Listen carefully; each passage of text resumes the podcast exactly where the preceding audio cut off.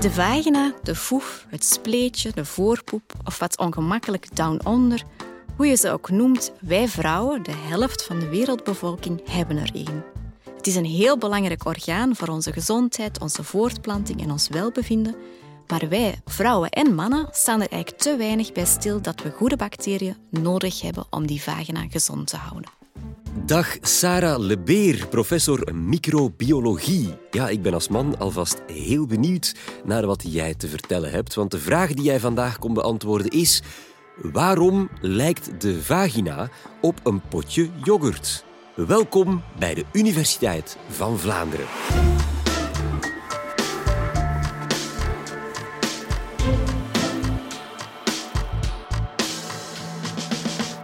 De vagina en een potje yoghurt trekken qua microbiologie heel sterk op elkaar. In beide omgevingen heb je melkzuurbacteriën of lactobacillen nodig om de omgeving gezond te houden en ongewenste indringers tegen te houden. Ik ben professor microbiologie en gespecialiseerd in die lactobacillen.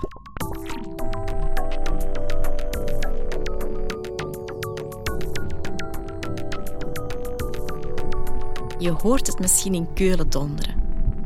Wat zijn lactobacillen? Belangrijk is dat het woord uit twee delen bestaat, lacto en bacillen. Het is een verzamelnaam voor allerlei soorten en types en geslachten van bacteriën die allemaal gemeen hebben dat ze ten eerste bacillen zijn en dat zijn staafvormige bacteriën of worstjes onder de microscoop.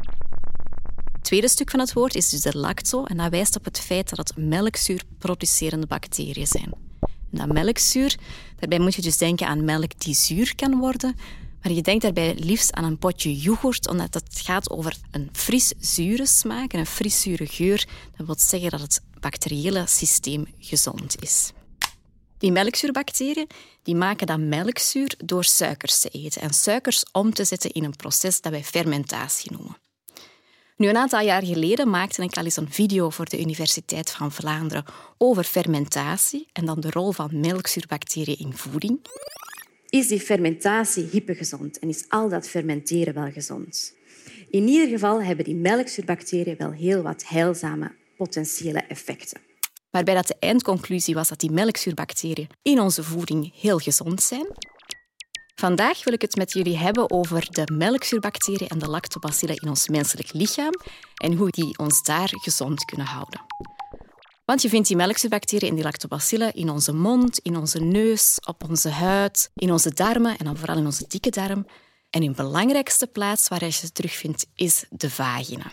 En het is interessant om te weten is dat de mens eigenlijk een unieke diersoort is waar die lactobacillen belangrijk zijn en heel veel voorkomen. Dat is niet zo bij verwante aapachtigen. En we weten eigenlijk niet goed waarom dat, zo is, maar um, er moet ergens een proces geweest zijn in onze evolutie die heeft gezorgd dat de melkzuurbacteriën en de lactobacillen ons helpen om gezonde nakomelingen te hebben. Nog een interessant weetje is misschien dat die lactobacillen ook de eerste bacteriën zijn die een mama aan haar baby's doorgeeft. Dus bij een normale, natuurlijke bevalling, via het normale geboortekanaal, krijg je die lactobacillen als eerste in je mond en je neus en in je darmen. En die zorgen daar echt voor een goede start. Het is belangrijk om te weten dat je bij een keizersnede of bij antibiotica, bij een bevalling, toch wel goed moet nadenken dat je misschien die eerste belangrijke bacteriën wel een beetje gaat missen.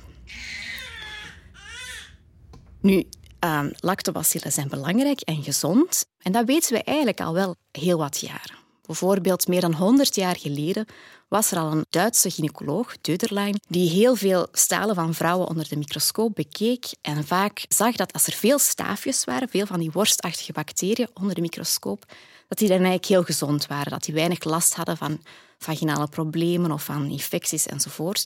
Terwijl hij allerlei bolletjes of andere vormen van bacteriën zag en ook wat, wat andere cellen, dan was hij ongerust. Dus dat verband was ten eerste al duidelijk. Dus hoe kunnen lactobacillen het lichaam gezond houden?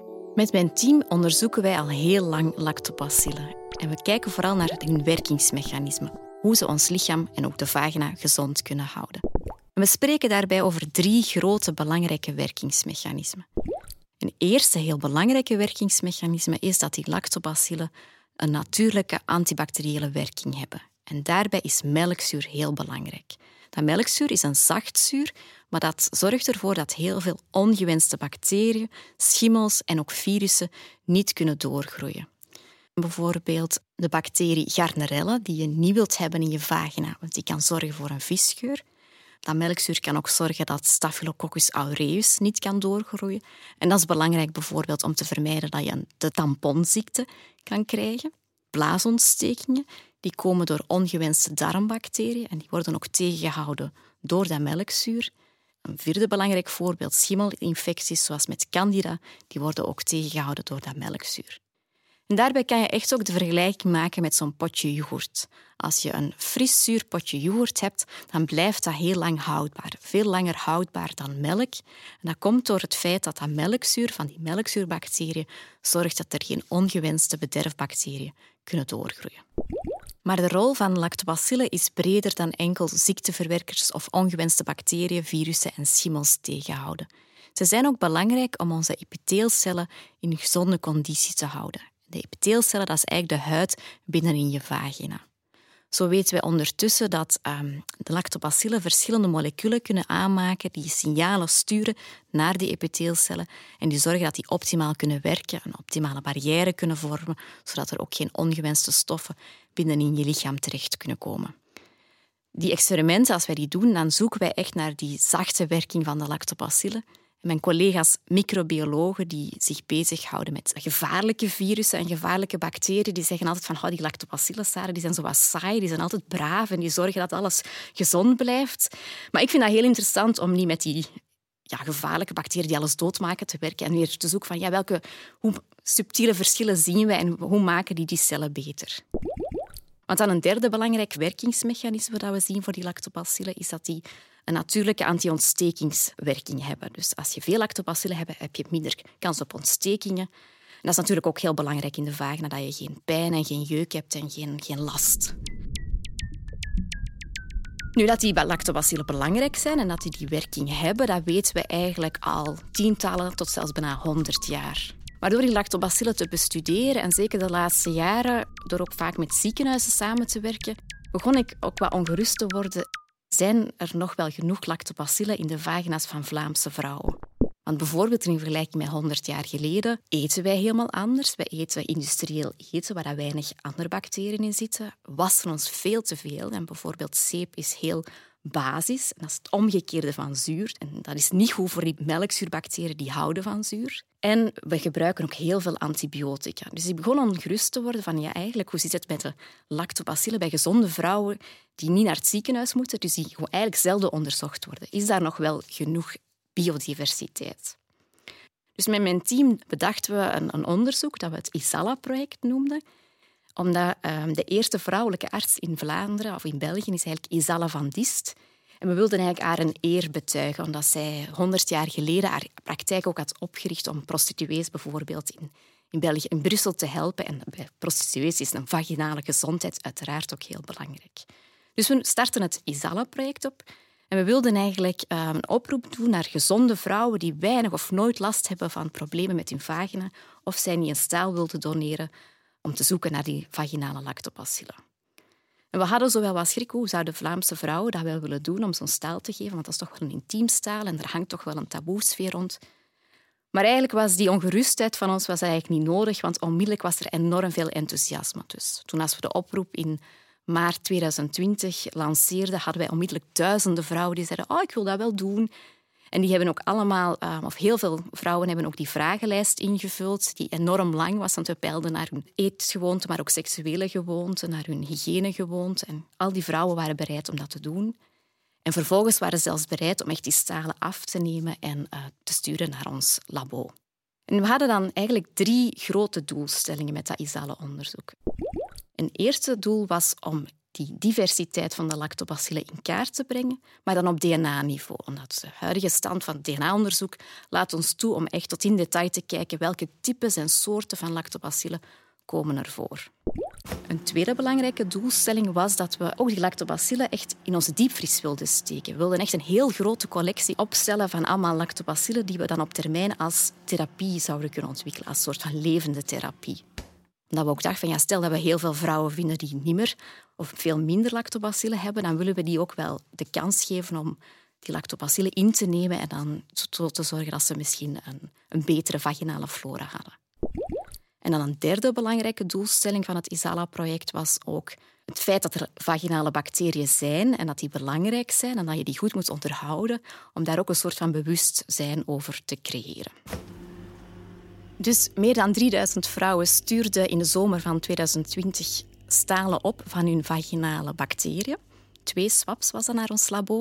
En we hebben dan ook echt ons best gedaan om die stalen zo snel mogelijk te analyseren. En we kunnen al de eerste resultaten daarvan aan jullie vertellen. En een eerste belangrijk resultaat was eigenlijk dat het veel beter gesteld was met de vaginale lactobacillen dan ik had verwacht. Dus eigenlijk mijn ongerustheid was niet nodig. Want we vonden meer dan 75% van de vrouwen die bij ons deelnamen, die hadden heel veel lactobacillen.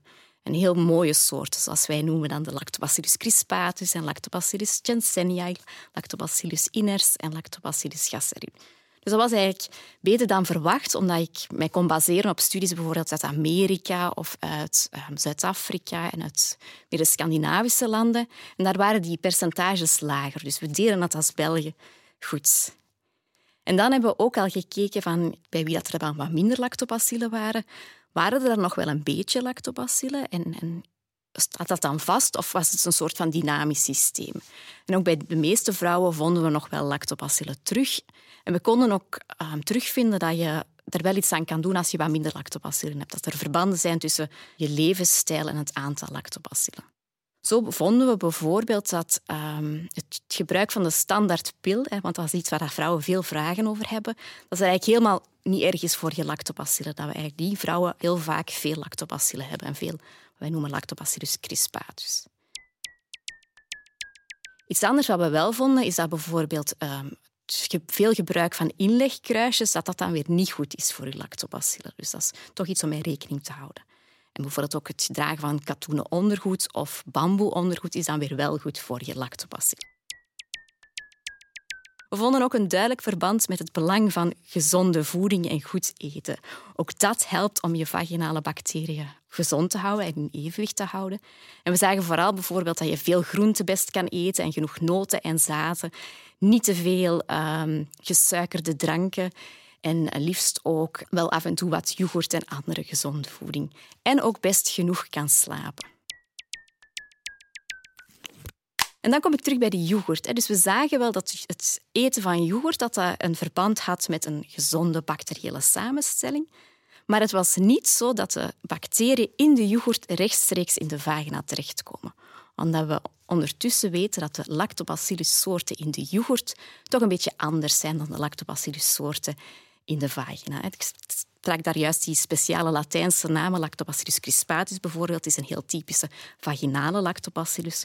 Terwijl in de yoghurt hebben we het liefst Lactobacillus bulgaricus, want yoghurt is ontdekt in Bulgarije. Dus dat zijn andere soorten, dus het, wil niet, het is geen goed idee om zomaar rechtstreeks uh, veel yoghurt te eten of yoghurt te gaan smeren om je vaginale bacteriën onder controle te houden. Dus waarom lijkt de vagina op een potje yoghurt? In beide zijn lactobacillen belangrijk om het bacteriële milieu gezond te houden. Dus draag zorg voor je vagina, draag zorg voor de bacteriën in je vagina. Zorg dat die frissure omgeving daar in stand gehouden wordt. Twijfel je, heb je last van bepaalde zaken, contacteer dan je huisarts of je gynaecoloog, want die kunnen je heel goed helpen met uh, bepaalde middelen voor te schrijven. Maar je kan ook zelf er wat aan doen en je kan letten op je eetgewoonten, letten op je slaapgewoonten en dan kan je meezorgen dat die lactobacillen in optimale conditie zijn. Dank u, professor, voor uh, dit inzicht in uw uh, zeer gepassioneerde meeleven met die saaie melkzuurworstjes. uh, ik ben blij dat ik ze heb leren kennen. Uh, laat ik bij de geboorte beginnen. Stel dat een baby geboren wordt met een keizersnede bijvoorbeeld. Uh, kan je dan iets doen om te zorgen dat hij of zij toch voldoende in aanraking komt met die lactobacillen? Is het een goed idee om je kind in te smeren met vaginaal vocht? Enfin, wat, moet, wat moet een mens doen? Kunnen we dat medisch bijgeven, die lactobacillen, bij de geboorte? Wel, dat is niet zo'n gek idee, want er wordt nu momenteel onderzoek naar gedaan. Ik, heb een aantal verhalen zelfs van collega microbiologen in de Verenigde Staten die dat ook gedaan hebben bij de geboorte van hun eigen kind. Maar voordat wij dat als microbiologen zouden adviseren, is er eerst verder onderzoek nodig. Je moet dat eerst in klinische studies aangetoond worden dat dat een goede manier is om een goede start te hebben van je micro-organismen. Omdat er toch ook wel wat gevaren bij kunnen zijn. Je kan niet alleen de lactobacillen meegeven, maar misschien ook wel ongewenste virussen. Kunnen we lactobacillen bijmaken? Kunnen we, wat doen jullie als iemand te weinig lactobacillen blijkt te hebben? Ja, dus momenteel bestaan er niet of heel weinig geneesmiddelen dat je gewoon die lactobacillen in een pilletje bijvoorbeeld in de vagina kan innemen of in een gel. Maar dat is iets waar we nu heel hard in mijn labo mee bezig zijn. Die lactobacillen die kan je bijmaken. Bacteriën kan gelukkig opgroeien en dan heb je direct enorm veel. Um, dus kan die, wij kunnen die nu al per definitie, of wij kunnen die al in een pil steken, maar we weten alleen nog niet welke nu de beste is. Want we hebben er duizenden in onze diepvries zitten. En we zijn volop bezig met die te screenen van oké, deze is heel goed in heel veel antibiotica maken, maar die is wat minder goed in het zacht houden van de huidlaag. En ik ben niet zeker of dat die al echt anti-ontstekingswerking hebben. Dus we zijn wel aan het zoeken welke zijn de beste en ook voor welke vrouwen, want ook niet elke vrouw zal dezelfde lactobacillus nodig hebben. Kan je te veel lactobacillen hebben? Ja, ook een belangrijke. Ja, je kan ook wel te veel hebben, omdat die maken zuur. En dat zuur is belangrijk om um, ongewenste bacteriën tegen te houden en ook om dat milieu onder controle te houden. Maar te veel zuur, echt te laag, kan ook wel ongewenste neveneffecten hebben. Dus daar wordt ook wel onderzoek naar gedaan. Voor jullie onderzoek moesten uh, vrouwen een staal uh, inleveren. Hoe gaat dat precies in zijn werk? Ah ja, dat heb ik eigenlijk niet zo goed uitgelegd. Maar dan kan je eigenlijk vergelijken met de neusstalen die nu genomen worden voor de coronacrisis. Dat zijn swaps, wat wij noemen. Dus dat zijn een soort van wattenstaafjes die wij, wij vroegen aan de vrouwen om daarmee in hun vagina een beetje staal te nemen. En dat is eigenlijk niet, was helemaal niet moeilijk. Dat is eigenlijk zoals je een tampon, als je een tampon kan inbrengen, kan je zo'n staal ook nemen. Dus ook veel gemakkelijker dan bijvoorbeeld een uitstrijkje bij de gynaecoloog. We kennen die lactobacillen dus al eh, vrij lang. En toch lijkt het met alle respect alsof we er nog niet heel veel over weten. Hoe komt dat? Ja, dat vroegen wij ons ook af. Ehm, als je kijkt in de literatuur, is er heel veel aandacht voor de darmen, of de, ja, de darmen en de bacteriën in de darmen, maar veel minder voor de vagina, terwijl dat zo'n belangrijk orgaan is voor ons gezondheid en ons welbevinden en onze voortplanting. Wij zeggen soms, maar wij zijn een team van heel veel vrouwelijke onderzoekers, en wij zeggen soms, ja, dat komt misschien omdat er te weinig vrouwelijke microbiologen waren in, de, in het verleden. En nu zien we wel terug een enorm enthousiasme om dat te onderzoeken. Eh, dat is alle onderzoek en het andere onderzoek waar jij mee bezig bent. Hoe belangrijk is dat in de, de grotere academische wereld van de lactobacillen? Wel, het is misschien wel fijn om te zeggen dat wij momenteel wereldwijd het grootste onderzoek zijn naar vaginale lactobacillen en dat wij eigenlijk ook wereldwijd een van de grootste centra zijn waar die lactobacillen onderzocht worden.